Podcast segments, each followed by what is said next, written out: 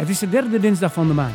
Tijd voor Brandkast. Waar ondernemersgeheimen uit de kast komen. Niets blijft geheim in Brandkast, waar wij Twentse ondernemers hun succes- en faalmomenten in hun carrière met ons delen. En staan we samen stil bij de ontwikkeling van hun organisatie en de impact daarvan op de omgeving en de medewerkers. Goed dat je luistert.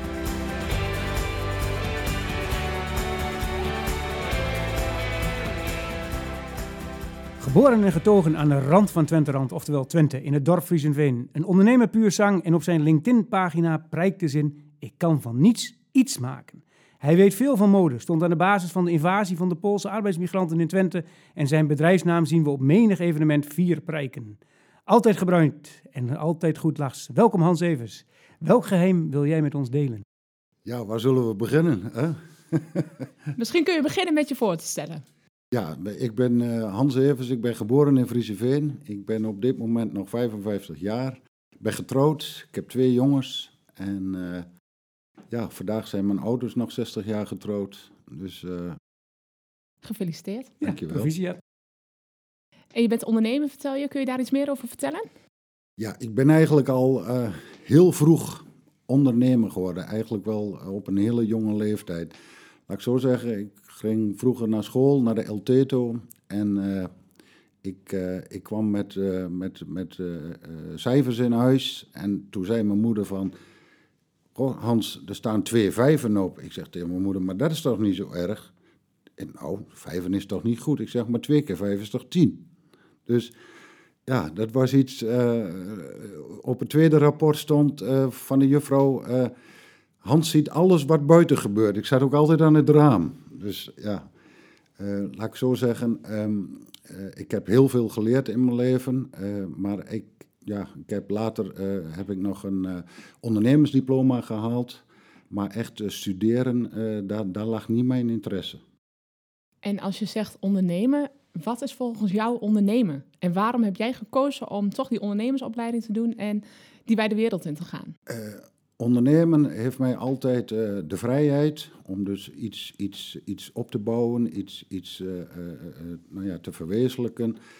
je eigen boterham kunnen verdienen en, en ja, groter, groter worden. vroeger toen ik jong was maakte me dat ondernemers in Frieseveen, grotere ondernemers, die hebben altijd indruk op mij gemaakt. En ik denk van, ja, ik ben van de LTS ben ik gaan werken bij uh, Webbing, bouwbedrijf Webbing. En uh, daar moest ik met uh, ene meneer Esseus van het Oosteinde, moest ik dus um, in de werkplaats werken. Nou, en dat, ze hadden daar een vierzijdige van diktebank. En dan kwam er weer zo'n hele grote vrachtwagen aan met allemaal balken en die moesten allemaal door die machine. Nou, dan was je echt gewoon 14 dagen, stond je alleen maar achter die machine. Zo'n balk kwam naar je toe en die moest je op een pallet neerleggen. Ik denk, nou, die vrachtwagen, de eerste vrachtwagen was bijna helemaal gedaan. En ik liep naar buiten toe, ik was mijn boterham aan het eten. En toen kwam er weer zo'n vrachtwagen aan eh, met een balk. Ik denk, nou, de eerste veertien dagen, drie weken is... Ben ik onder de pannen? Eh, ben ik weer onder de pannen, is het allemaal weer hetzelfde. Dus ik was er al heel snel achter dat dat niet uh, um, in de fabriek werken of wat, daar lag niet mijn interesse. Mijn interesse lag echt in het ondernemen, iets opbouwen. Um, ja, Hans, neem, neem, neem, ons eens mee in je ondernemersporen. Wat was het eerste stukje ondernemerschap wat jij uh, hebt ontplooid? Nou, laat ik het zo zeggen. Dat was in de jaren uh, begin tachtig. Um, ja, ik hield zelf altijd wel van mooie kleding, altijd. Je had toen in, in Friesween een, een, een, een, een jeanszaak. En dat was het Jeans Center, geloof ik. En uh, nou, ik zag dat. En, en toen kwam ik op een gegeven moment iemand tegen die deed met spijkerbroeken. Ik denk van, goh, laat ik ook eens zo'n partij kopen. Dus ik heb een partij spijkerbroeken gekocht. En, uh, Terwijl ja, je ook nog bij die verdikte bank uh, stond. Bij Webbing. Ja, de, dat, ja de, dat, is dat, dezelfde periode? Ja, de, de, dezelfde periode. Toen was ik 16 jaar, denk ik. En uh, 16, 17 jaar. En ik deed s'avonds spijkerbroeken verkopen. En dat ging eigenlijk, uh, ja, dat ging eigenlijk uh, heel snel. Dus op die manier verdiende ik wat geld. Dus toen heb ik mijn eerste winkeltje geopend en dat heette Het Mode en dat was Hans Evers Textiel. De gele, de, gele tassen met ja, rode letters. Ja, de gele tassen met rode letters. En uh, ik was 18 jaar En toen heb ik mijn tweede winkeltje geopend in Fromsoop. Toen heb ik mijn derde winkel geopend in Almelo. Dus ik, had, uh, ik was 18 jaar en toen had ik iets van 10 man personeel. En uh, ja, dat is eigenlijk wel heel jong, want wie is op dit moment uh, ondernemer met 18 jaar? En toen ben ik dus toen moesten we zoveel kleding hebben. En toen kwam eigenlijk Polen, die kwam dus open. En ik ben eigenlijk al in Polen geweest toen eigenlijk het ijzeren gordijn nog niet eens open was. Ja, en ik heb daar kleding laten maken en dat importeerde ik dan hier naar Nederland toe. En wat is jouw geheim daarin geweest? want je, je bent en heel jong begonnen, uh, zomaar eigenlijk vanuit de bouw toch weer naar de, naar de spijkerbroeken. Uh, dan ergens een kans zien in, in, in Polen. Wat is jouw geheim? Gewoon doen. luisteren, kijken. altijd goede inkoopkanalen proberen te vinden. En, en, en marge maken. Ik was, ik, ik was daar gek op dat ik dus in Polen de blouses wat, of de broeken wat goedkoper kon laten maken. En dan meer marge maken. Ja, toen in, hier in Nederland had je wel veel ateliers die dus ook wel kleding maakten. Maar ja, dan moest je meer betalen. Dus ik denk van, als ik nou naar Polen toe ga en ik, en ik laat ze daar maken, dan... dan, dan maar ik begreep dan, dat je dat hoort, hè? Dan denk je, goh, Polen gaat open, hartstikke gaaf. Maar hoe kom jij daar dan? Hoe ik daar gekomen ben, dat is eigenlijk via een contactpersoon uit Enter. Die, uh, daar was uh, uh, Mans Wolters was dat. En, en, en daar ben ik een keer mee naar, naar Polen geweest. En toen heb ik daar contacten opgedaan. En de tweede keer ben ik er uit mezelf naartoe gegaan. Oké. En steeds meer broeken gekocht? En steeds meer broeken verkocht. Daar had je dus, de, toen de grenzen in, in, in Polen zeg maar, nog, nog dicht waren, toen, ja, het, het, het was een land wat eigenlijk 40 jaar stil heeft gestaan na de oorlog. Dus oude fabrieken, oude machines, ja, dan waren we hier in Nederland hele andere dingen gewend. Nou, wat heb ik dus gedaan? En dat is eigenlijk een, een of een fout van mij geweest. Um, ik liet eerst mijn kleding bij die ateliers maken, maar uh, ik, ja, die mensen hadden allemaal hele oude machines. En, en ik denk, joh, dat kan nog veel sneller. Maar goed, die mensen hadden geen geld. Dus wat heb ik gedaan? Ik heb uh, hier in Nederland heb ik uh, iets van 100 Nederlandse Yuki naaimachines, alle soorten machines gekocht en naar Polen toegebracht. Nou, dat mocht toen nog niet, want die kon je nog niet uitvoeren naar Polen. Maar doordat, uh, omdat je beurs en evenement hebt, kon je ze dus tijdelijk uitvoeren. Nou, en daar is het eigenlijk uh, met het mode uh, en, en de groothandel heette even trendy, daar is het eigenlijk misgegaan. Um, die mensen die ik daar had, die vertrouwde ik. En die waren achteraf eigenlijk niet te vertrouwen. Ja, zodra ik daar was, waren ze dus op onze machines, uh, waren ze mijn blouses en broeken aan het naaien. Maar ik was nog niet de grens over naar Duitsland toe. Ze waren voor de buurman bezig? En ze waren voor de buurman bezig. Nou, dat heb ik me een tijdje aangezien. En uh, ik denk van ja, maar dit wil ik niet. Dus ik ga de machines weer ophalen. Nou, en daar is het eigenlijk fout gegaan. Ja, ik had er voor meer dan voor een half miljoen in guldens toen nog uh, machines naartoe gebracht. En uh, ik kon die machines niet weer terugkrijgen. Die mensen zeggen van ja, moet luisteren Hans, uh, uh, die machines staan hier, je krijgt ze niet weer terug.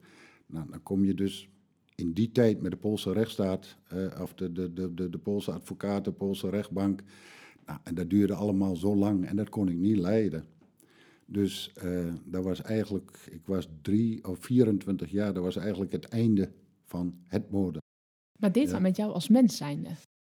Ja, dat, uh, dat, dat deed wel heel veel met mij. Je bent jong en, en, en, en uh, uh, mensen om je heen hebben dan altijd een oordeel. Ja, van nou zie maar weer, als je net even iets een te grotere auto hebt, ja zie maar, heeft, heeft de auto te groot gehad en daardoor is het misgegaan. Maar mensen weten eigenlijk niet de werkelijke achtergrond en, en hoe het gegaan is.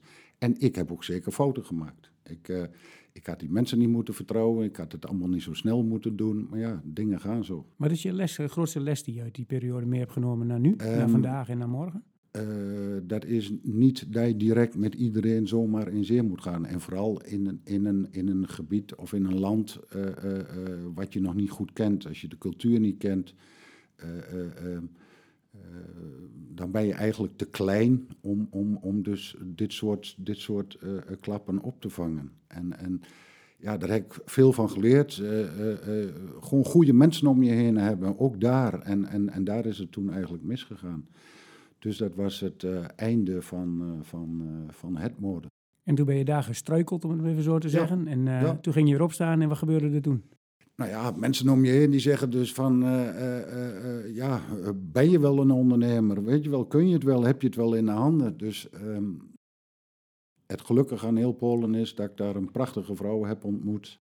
En haar hier naartoe heb gehaald en, en gewoon een nieuwe start gemaakt. En toen ben ik dus in loondienst gekomen bij, bij meneer Van der Most, Henny van der Most. De ondernemer uit Hardenberg. De ondernemer uit Hardenberg. En die had net een nieuwe hal gekocht in Hardenberg. Er was nog een vroegere tapijtenhal, en wat op dit moment uh, zeg maar de evenementenhal Hardenberg is. Ja. En uh, daar was ik eigenlijk ja, eh, de, de, de, de eerste persoon die daar uh, de eerste beurzen heeft opgezet. Oké. En wat, wat, voor beurs moet ik alleen modebeurzen? Omdat je nee, veel kennis nee, hebt van de was, mode? Uh, was geen modebeurs. Henny had zo zijn eigen ideeën erover. Dat moest een, een, een, een boerenbeurs worden, zo zegt Henny dat ook. was een landbouwbeurs. Nou, Henny zegt, die moet je in juli moet je die organiseren. Nou, en ik had natuurlijk ook helemaal geen verstand voor beurzen en evenementen. Maar goed, ik ging eens naar wat leveranciers toe die dan op die beurs zouden moeten staan. Die zeiden van Hans, hoe kun je in godsnaam in juli een beurs organiseren? Want je krijgt niet eens bezoekers, want alle boeren zijn druk op het land.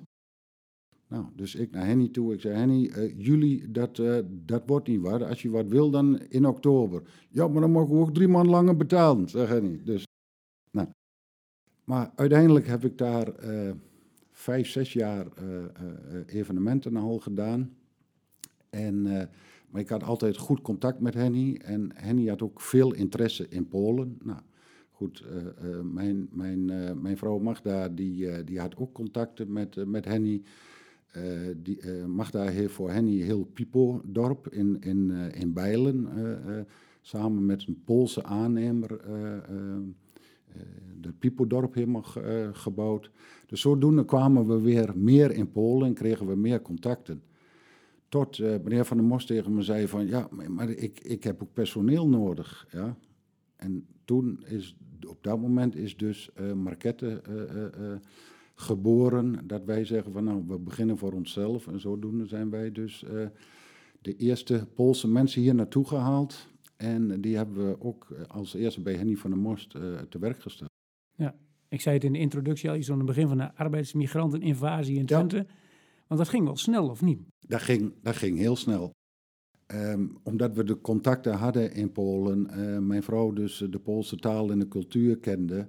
En, en, en wij eigenlijk heel snel een netwerk uh, hebben opgebouwd. Dus mijn vrouw haalde de uh, Poolse mensen hier naartoe en ik ging naar de bedrijven toe en ik zette ze weg. En, en die combinatie, dat, dat was gewoon een succesformule. En in die tijd ging volgens mij 2004 of zo, rond die tijd ging de, de kwam Polen bij de Europese Unie. Daar werd het ook iets makkelijker van. Ja. Uh, eerst moesten de Polen nog onder vergunning uh, uh, hier naartoe. Dus moesten we naar het UWV toe en dan mocht je ze niet eerder aan het werk stellen dan dat je de vergunning binnen had. En ja, vanaf 2004, toen dus de, de, de markt vrij was, toen hadden we er denk ik een keer een 50 of zo, steeds met die vergunningen. Dat was wel een heel gedoe hoor. Maar goed, in 2004 uh, eh, werd alles vrij. Dus toen konden we ons netwerk in Polen en, en, en, en mijn netwerk hier in Nederland bij de bedrijven, konden we hier heel veel mensen naartoe halen. En dat hebben we dus ook gedaan. Alleen toen kwam het tweede probleem, dat is huisvesting. En, en ja, het ging al heel snel, we verdienen geld en, en toen hebben we dus heel snel um, Villa Park het Lageveld in Wierden gekocht. Speciaal voor die arbeidsmigranten? Ja, alleen puur de arbeidsmigranten.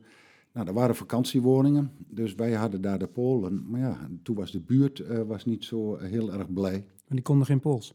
Nee, die konden geen Pools, maar die dachten van... Uh, we hadden een projectontwikkelaar naast ons zitten. En die bouwde daar ja, hoogwaardige bungalows. En die zei van, ja, als daar een, een, een, Poolse enclave komt... dan ga ik mijn woningen niet verkopen. Nou, dus dat is een hele juridische strijd geweest tussen de gemeente, uh, uh, wij, de projectontwikkelaar en de rechtbank. Maar dat heeft denk ik nou acht, negen jaar geduurd. En toen was het eigenlijk het punt van uh, projectontwikkelaar, jij koopt ons of wij kopen jullie.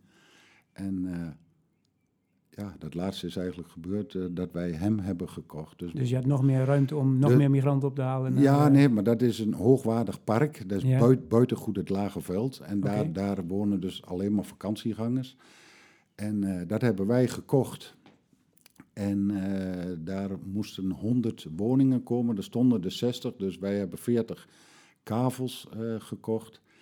En uh, ja, toen ben ik ook maar langzaam maar een bouwbedrijf begonnen, want ik moest die 40 huisjes daar nog bouwen. Maar die, die doet een beetje voorkomen als ze allemaal toevallig klinkt. Maar Ging wel heel makkelijk, hè? Daar geloof ik allemaal niks van. Nee. Maar je, je, groeit natuurlijk best wel hard in die beginjaren. Ja. Je zegt 50 en uh, later gaat het sneller. Uiteindelijk ja. uh, zijn er veel meer geworden. Ja. Maar wat gebeurt er dan? Hoe, hoe, kom je nou van 50 naar 100, naar 150, naar 200? Maar dat zijn heel veel mensen. En volgens mij, als je het over huizen hebt, zijn het ook heel veel huizen. Ja, dus um, die huisvesting hadden we daar nodig. En, en, en uh, overal in, in, in Twente huurden wij dus wel woningen. Later hebben we in Almelo nog een groot complex gekocht waar we dus mensen hebben gehuisvest. Maar ja, als Magda er hier weer vier naartoe haalde of vijf mensen, ja, dan moesten we daar wel goede huisvesting voor hebben. Dus maar dat was een beetje de taakverdeling. Magda die ja. regelde de, de, ja. de, de, de kwaliteitsvakmensen die ja. hier naartoe kwamen en jij zorgde dat ze aan het werk kwamen? Ja, ja. En ja, uh, in die tijd was het ook, uh, tot 2008 was het allemaal booming. Ook in de bouw, overal was het erg druk. Dus wij konden die mensen overal eigenlijk wel uh, uh, snel slijten. Maar waar, dus, hebben we dus. het over? Timmerlieden, lassers, waar hebben we het nee, eigenlijk over? Hoofdzakelijk in de metaal. Heel veel uh, lassers, draaiers en fräsers. Oké, okay, maar wat willen wij allemaal niet meer doen, Hans? Of nee. hebben we daar geen mensen voor? Er worden geen mensen opgeleid. Wat nee. is het probleem? wat worden, is jouw uitdaging? Er worden te, te weinig mensen opgeleid in dat vak. Vroeger had je dus nog echt een, een, een, een, een LTS waar je nog zeg maar 40 uh, jongens in de klas hadden die voor de timmeropleiding uh, zorgden. En nog 40 jongens in de metaal. Nou, ik denk dat op dit moment, of toen in die tijd, waren er misschien een keer drie, vier die die opleiding nog doen. De jeugd wil allemaal meer leren. Hè? Dus uh, moeten MBO, HBO. Maar echt de ambachtschool, de oude ambachtschool, ja, die is eigenlijk toen in die tijd helemaal verdwenen. Maar dan kom je bij zo'n bedrijf, hè, en dat zie ik dan helemaal voor me. En dan zit daar iemand, die heeft twintig man in dienst, een leuk metaalbedrijf. Spreekt geen woord Pools. En dan kom jij met drie Poolse jongens aan die geweldig goed kunnen frezen.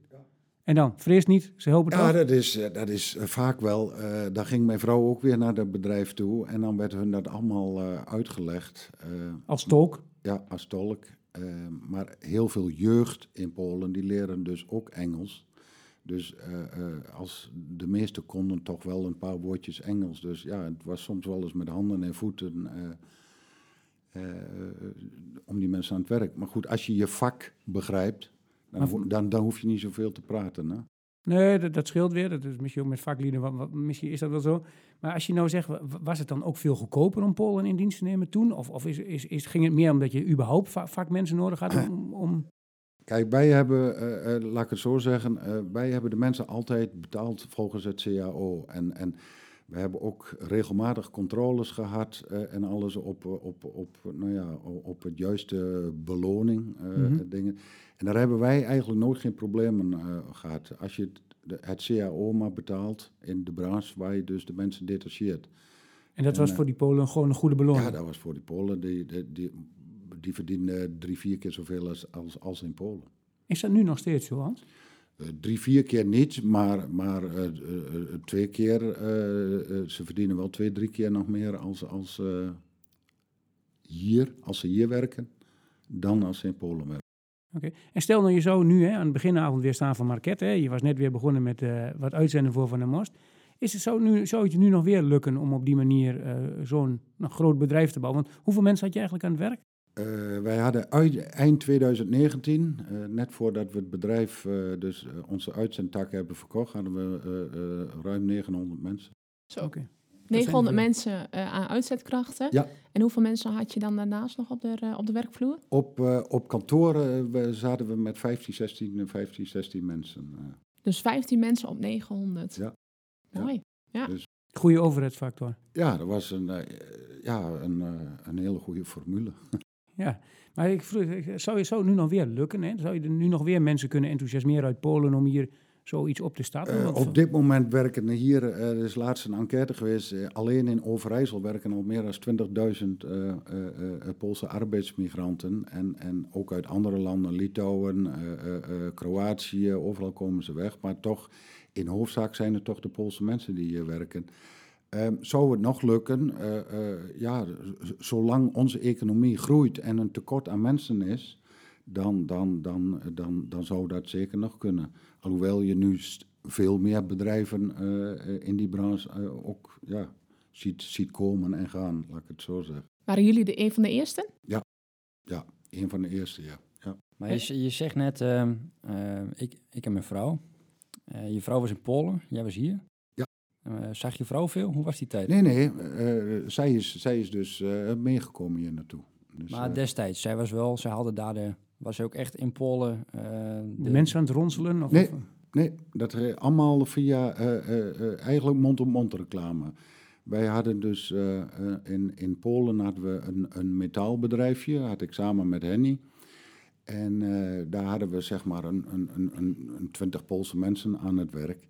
En die mensen zijn als de eerste naar Nederland toegekomen. En ja, toen wij hier groeiden, eh, eh, eh, belde Magda ze op en, en zei van... Joh, we hebben nog drie lassers meer nodig of we hebben nog twee draaiers meer nodig. Nou, en dat was eigenlijk mond-op-mond reclame. Ja, dus, dus ja, het was eigenlijk een paar hele grote families bij elkaar, laat ik zo zeggen. En toen Henny aangaf, "Goh, eigenlijk hebben we ook mensen nodig. Vond je het niet spannend om weer opnieuw te gaan ondernemen? Want je was één keer eigenlijk op je bek gegaan. Ja, nee, maar dat, dat, dat was altijd mijn droom. Dat was, eh, dat was, eh, ja, dat was altijd mijn droom. Loondienst was nooit mijn, eh, mijn, eh, Ambitie. nee, was nooit mijn ambitie.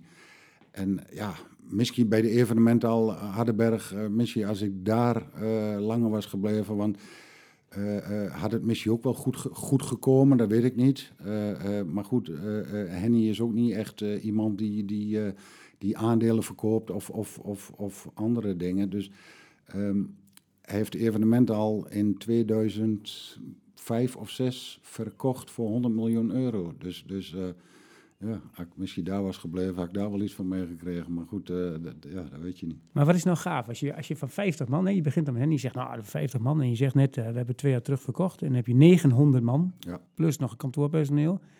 Wat zijn nou de mooiste momenten in, in die periode van groei? Wat is nou, en wat zijn nou de minst leuke momenten? Daar ben ik De, echt wel benieuwd naar. de, de, de mooiste tijd heb, heb ik eh, samen met mijn vrouw gehad eh, tot, tot twee, 200, 200 eh, mensen die we detacheren, 250. Toen kon je het allemaal nog overzien. Ja? Je kende de mensen nog. Je wist waar ze werkten. Ja, maar ga je naar eh 3, 400, 500, 600, dan krijg je dus ook al eh, eh, een aantal jobcoördinators eh, op kantoor, die dus mensen aansturen. Ja, en op een gegeven moment nemen die ook weer mensen aan, die ze weer ergens neerzetten. Dus op een gegeven moment zie je Poolse mensen bij ons op kantoor komen, ja, die hij nog nooit eerder gezien. Of die ken je niet eens meer bij voornaam. Dat, dat, en, en, en, en dat vond ik eigenlijk de minste tijd.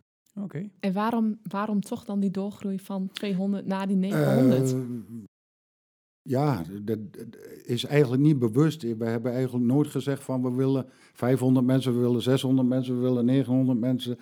Eh, dat is eigenlijk zo gegroeid. Ja, eh, laat ik zo zeggen, ik kan heel slecht nee verkopen. Als mij een bedrijf belt en die zegt van Hans, ik heb nog weer zes lasters nodig, kun je die leveren? Ja, dan doe je dat, als de kans er is. Dus het is eigenlijk... Maar werd je nou heel- zelf ook steeds drukker dan naarmate die tijd, of juist niet? Ja, kijk, eerst ben je ondernemer.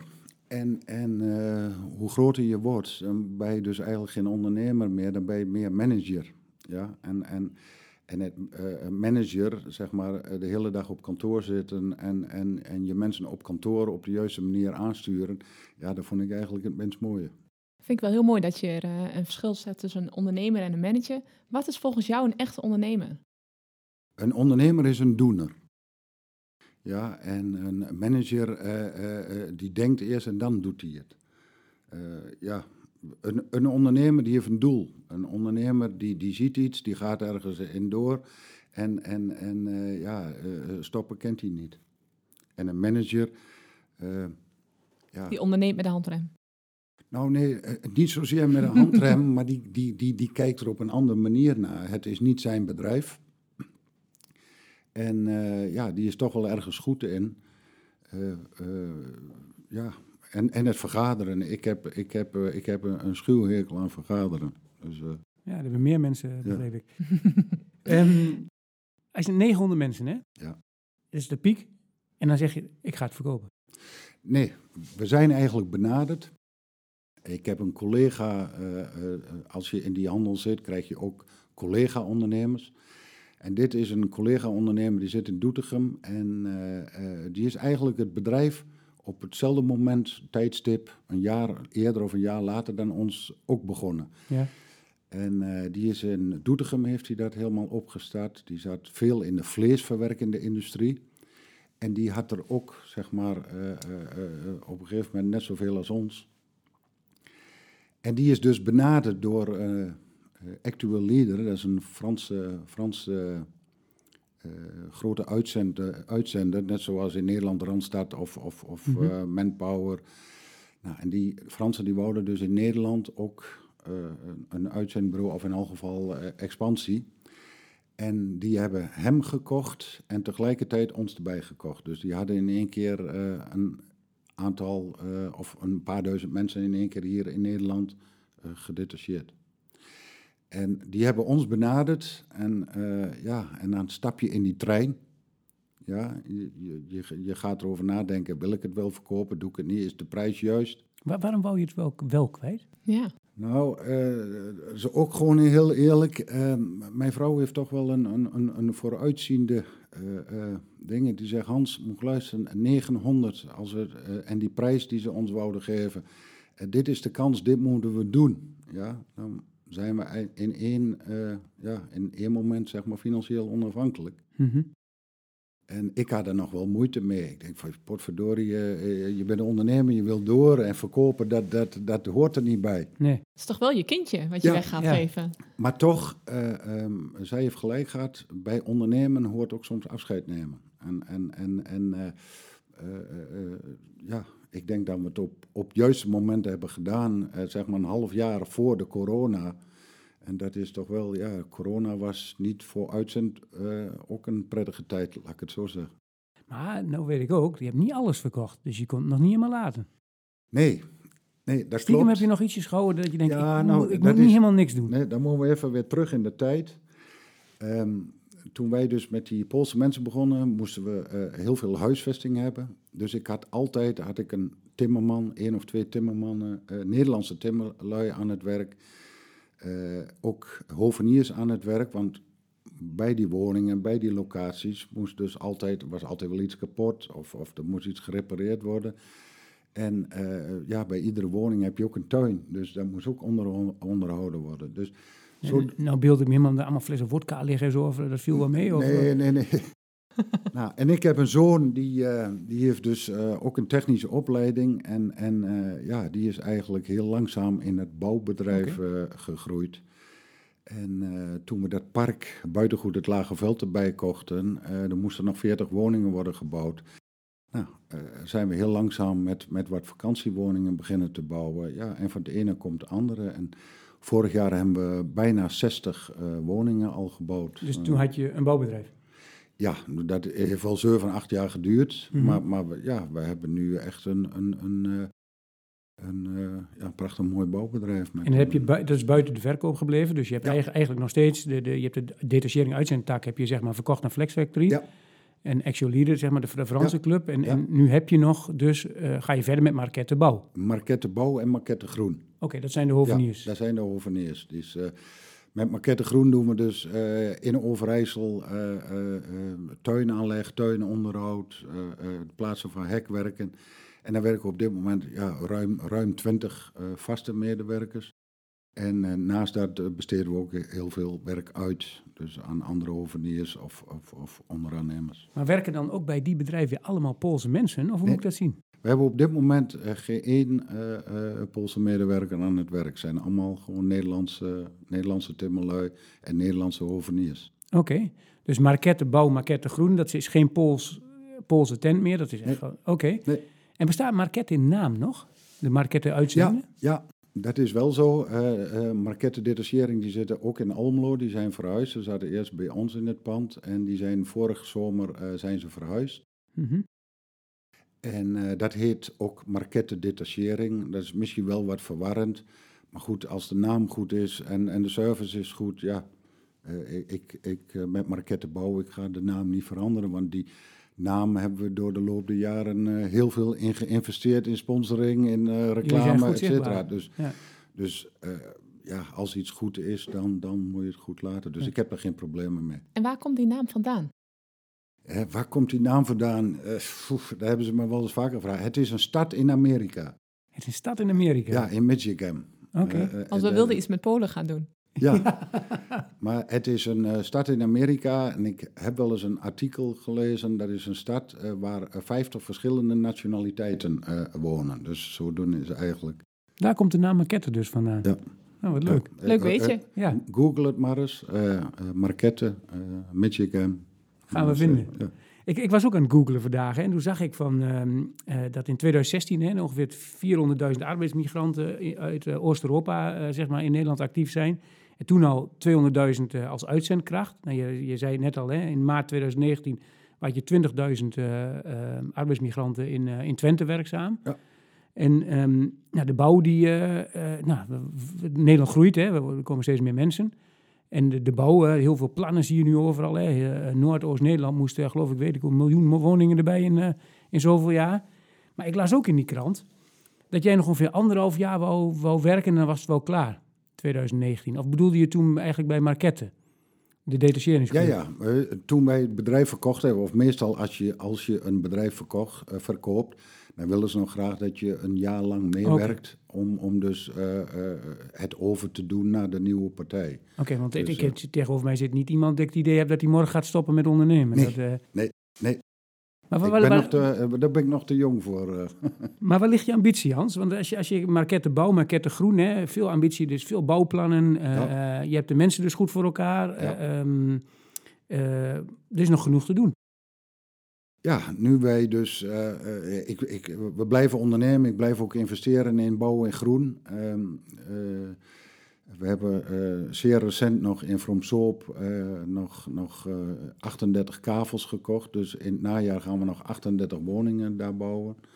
Eh, eh, rijtjeswoning, 200 in Kaps.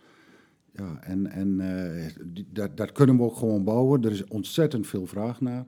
Ja, maar goed, maar bouwen we een rijtje van vijf, dan eh kijk, de meeste aannemers, die moeten er eerst vijf verkopen voordat ze, of, voordat ze überhaupt kunnen beginnen te bouwen. Nou, en, en ja, doordat we dus eh, nou ja, financieel sterk zijn, ja, als er twee zijn verkocht, dan gaan we gewoon bouwen. Dan, dan, dan, dan, eh, En waar gaat dit naartoe? Ja. Je hebt het ik zou het niet weten.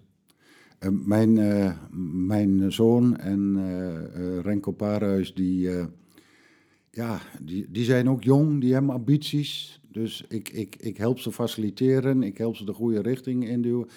En, en ja, hoe groot wil je worden? Eh, eh, ik, ik denk als je ondernemer bent, dan ga je gewoon elke dag door.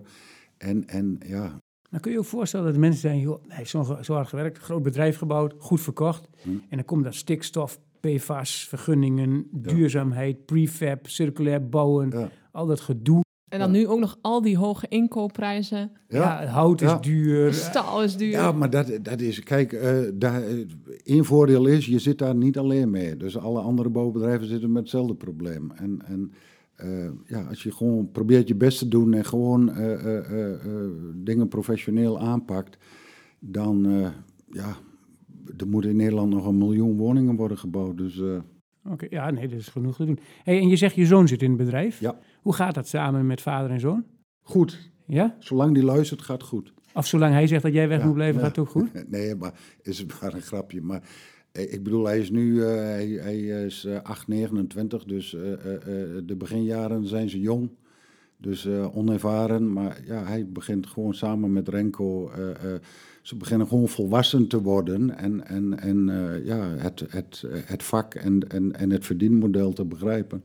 En dan, eh, ja. Herken je iets terug van jezelf in hem, het ondernemerschap wat in hem zit? Jawel, Want jawel. die 18-jarige die Ja. eh, ooit het mode begon, Ja, ja, herken je die in Sander? ja, ja. Dat, eh, dat, eh, En wat is zichtbaar? wat- Wat, ja. wat, herken Wat- je nou wat is met dat name? dan? Ehm, eh, de, de, de- ja, het doorzetten. Gewoon niet opgeven, het gewoon doorgaan. eh, eh, soms ook wel eens fouten maken, eh, eh, maar dan toch wel van die fouten leren en gewoon doorgaan. En kun jij met al jouw ervaring wel dingen loslaten? De nieuwe generatie staat voor de deur.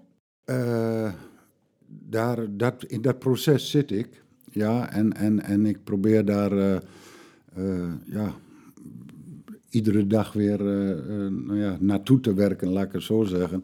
Kijk, op den duur gaan die jongens dat bedrijf overnemen. En, en, eh, ja, maar ik wil ze een bedrijf overdoen die, die dus goed gezond is en, en, en waar ze ook een toekomst mee hebben. Wat, wat vind je het lastigste om in dat proces? Ja, dat je toch ouder wordt, dat je afscheid moet nemen soms wel. De, de nieuwe generatie heeft toch wel een andere kijk erop. Is niet altijd... Kijk, 30, 40 jaar terug ondernemen en nu ondernemen, dat is een, een wereld van verschil. Ja, als je nu eh jonge lui ziet ondernemen, dan, dan ja... eh, eh, ik ben nog iemand meer met ja, het doen.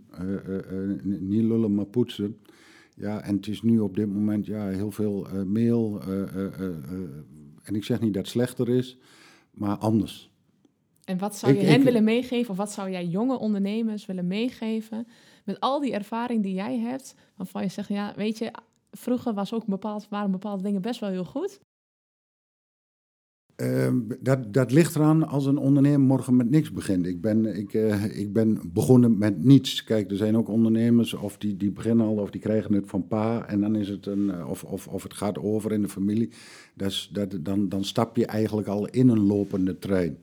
Kijk, maar echt morgen gewoon zeggen van joh, ik heb geen geld, maar ik wil toch ondernemen. Ehm, dan moet je eh, eh, nou, voor jezelf eh, weten welke richting je in wilt, wat je doel is. En dan ja, vastbijten en nooit weer loslaten. Gewoon je doel nastreven. Dus en er is geen ondernemer die eh, zonder kleerscheuren, eh, eh, ehm, laat ik zo zeggen, een toponderneming kan neerzetten. Nee, je moet struikelen om weer op te staan, dat Ja. denk ik absoluut. Ja. Hey, en als we nou over, over tien jaar, hè, dan is deze studio nog gaver, want we zitten hier natuurlijk in een geweldige studio, die podcast eh, te houden. En over tien jaar ben je hier weer. Dan ben je 65. Ja. Wat doe je dan? het is heel moeilijk te zeggen, maar stilzitten is wel heel moeilijk voor mij. Ehm, ja, wat op mijn pad komt. Eh, eh, eh, er komt dagelijks dingen op mijn pad, nieuwe uitdagingen. Maar goed, ik heb me nu, wil ik me echt op bouw en groen nog, nog concentreren. Een mooi bedrijf achterlaten. Die jongens kunnen het straks overnemen. En dan, ja, dan, dan en, daar heb ik de voldoening uit. Ja, als ik er dan uitstap, dat daar nog een prachtig bedrijf staat die, die, die, die, eh, waar, waar eh, werknemers, eigenaren gewoon eh de plezier aan hebben en dat er geld verdiend wordt. Hey, en nou, nou, nou moet je niet vergeten, hè, je had het in de tijd dat jullie eh ehm, eh, zeg maar marketten detachering nog hadden. Jij en Magda was het. Nu heb je marketten groen en marketten bouw samen met je zoon. Ja. Is Magda nog actief in... Nee. Op dit moment niet. Eh, natuurlijk bij, bij, bij eh, vergaderingen van eh, de, de jaarrekening en dat soort dingen. Want ja, eh, Betrokkenheid is er zeker, Dat, dat is, eh, mag daar weer prima hoe het, hoe het allemaal zit, maar eh, niet de dagelijkse leiding. Oké, duidelijk. En je had het net over, eh, ehm, want dat vind ik altijd wel mooi, dat de ondernemers altijd zeggen, ja, weet je, er komen elke keer eh, dingen op mijn pad. Maar is dat nou toeval? Of zit daar iets achter? Ja, nou, ik, ik denk als ondernemer sta je daarvoor open. Ik bedoel, als je ondernemer bent, eh, dan zie je dingen. En dan, eh, dan denk je, hé, hey, daar kan ik ook wel wat aan verdienen. En, en, en eh, laat dat eens proberen. Maar goed, ehm, we hebben echt een serieus bouwbedrijf. Ja, en een serieus groenbedrijf. En, en ik heb nu wel zoiets van, ik- daar focus ik mij op. En dat wil ik nog één keer een, twee prachtige bedrijven van, van maken die dus, eh, ja, eh, eh, ja, van naam, zeg maar. En ik, ik heb nog e- één hele prangende vraag. In het begin gaf je aan van, nou ja, weet je, die grote ondernemers, hè, daar keek je een beetje tegenop toen je Ja. jong was. Wat zijn nou voor jou grote ondernemers? Wat maakt een ondernemer groot? Eh, ja, wat onder, de, de vrijheid? Maar ja, we hadden vroeger uh, Arjen Vrieseveer, dan had je echt wel on- ondernemers. En dan, ja, die hadden een mooie auto. Dat, dat, dat, dat zag er allemaal wel heel stoer uit. En dat, ja, dat, dat trok me eigenlijk wel. Dat, die, die, die, die mooie auto, die, die, die wou ik ook wel. Die mooie auto, dat was... Ja, eh, nou, dat, dat weet ik niet. Als je jong bent, ik ben altijd gek van auto's geweest. En dat vond je wel stoer, dat vond je wel leuk. En, en, en, en nou, goed, En is dat gelukt? dat is zeker gelukt, ja. Inmiddels ben je zelf die grote ondernemer waar je vroeger naar keek. Ja, nou ja, goed. Zo voel ik het niet hoor. Ik bedoel, eh, eh, ehm, ik ben een ondernemer die dus eh, eh, eh, door doen eh, eh, eh, ehm, nou verder ben gekomen en, en, en eh, ja, ook foute beslissingen gemaakt. En dat zie ik nu wel eens aan, aan jonge lui die dus eh, ook iets beginnen, het zij op internet of andere dingen. Jongens, vergeet niet om geld te verdienen. Ja? Je ziet nu heel veel mensen die dus iets beginnen, maar en ze zijn heel enthousiast, maar ze vergeten eigenlijk om geld te verdienen. Ja, en dan zie je ze toch na een jaar, twee jaar toch struikelen. Ja, en als je een onderneming hebt, en dat heb ik mij altijd voor ogen gehad, je moet wel geld verdienen. Het, het zij, als je eerst met niks begint, dan heb je de bank nodig, et cetera. En als je geen geld verdient, dan doet de bank ook niks. Eigenlijk is het wel leuk, hè? Deze podcast heet de Brandkast, waar ondernemers geheimen uit de brandkast komen. Als ik jouw geheim eigenlijk een beetje mag vertalen, is volgens mij, de, let goed op wat je, dat je geld verdient en dat je vooral moet doen. Ja. En niet de bank moet zijn. Ja, En dat is Doen. volgens mij... En, en eh, wat ook voor ons eh, heel goed was, dat is je eigen tegenspraak. Eh, op een gegeven moment, toen ik vroeger dus die, die kleding had, deed ik het allemaal zelf. En ik, ik dacht dat ik het allemaal alleen kon en, en, en zelf grote beslissingen nemen. Maar toen wij dus eh, met eh Marquette, eh, toen heb ik mijn eigen tegenspraak georganiseerd. Dus toen heb ik twee commissarissen in, in, in dienst genomen. Dus de meneer Samson, vroeger van Eastbourne, en Albert Hendriksen was algemeen directeur bij Neo Vassink. En ja, daar heb ik echt wel veel aan gehad. En, en die hebben me ook wel eens, als het heel hard ging bij ons, dat ze zeggen van Hans, heb je daar wel goed naar gekeken? Heb je hier wel naar gekeken? Heb je daar wel Ze naar hielden je gekeken? scherp. Ja. Dus als je ook ondernemer bent, eh, eh, wees niet bang om dingen te vragen. Ja, eh, ga eens bij ervaren ondernemers, ga eens even op je koffie en zeggen van, joh, ik ben dit van plan. Doe ik dat wel goed? Zie je dat wel goed? Dus niet denken dat je het allemaal alleen kunt. Want in, en met name nu ondernemen, je kunt helemaal niets meer alleen. Dus je hebt gewoon goede mensen om je nodig. Alleen ga je snel samen, kom je verder. Ja, Toch? nou, dat is, dat is, eigenlijk, dat is eigenlijk de juiste. eh, je kunt je ondernemersdrijf al houden en, en ergens voor gaan. En, en, en al zeggen je commissaris een keer van eh, je moet het niet doen. Ja, en je doet het dan toch. Nou ja, maar dan heeft wel iemand jou gezegd van hé, hey, let daar wel op. En ben je er nog weer iets scherper op. Ja, word je steeds scherper. Ja, Hans, leuk gesprek. ja Dankjewel oké. voor de man achter Marquette en het mode en eh, bij Henny van der Mos de evenementenhallen. Ja. Noem erop jouw geheimen. Duidelijk, dankjewel. En ik hoop dat het heel veel mensen inspireert. En eh, nou, wie weet over tien jaar. Ja, Dankjewel. goed. Dank voor je. Tot ziens. Natuurlijk zijn wij benieuwd welke ondernemerslessen jij hebt opgepikt in deze podcast. We horen het graag via de socials. Gebruik vooral de hashtag brandkast. En wij vinden je vast en zeker. Ben jij of ken jij een Twentse ondernemer die een verhaal heeft te vertellen dat ertoe doet? Of een geheim heeft dat gedeeld moet worden? Laat het ons weten. Tot de derde dinsdag, tot Brandkast, waar ondernemersgeheimen uit de brandkast komen. Brandkast is een productie van het Ondernemersmagazine.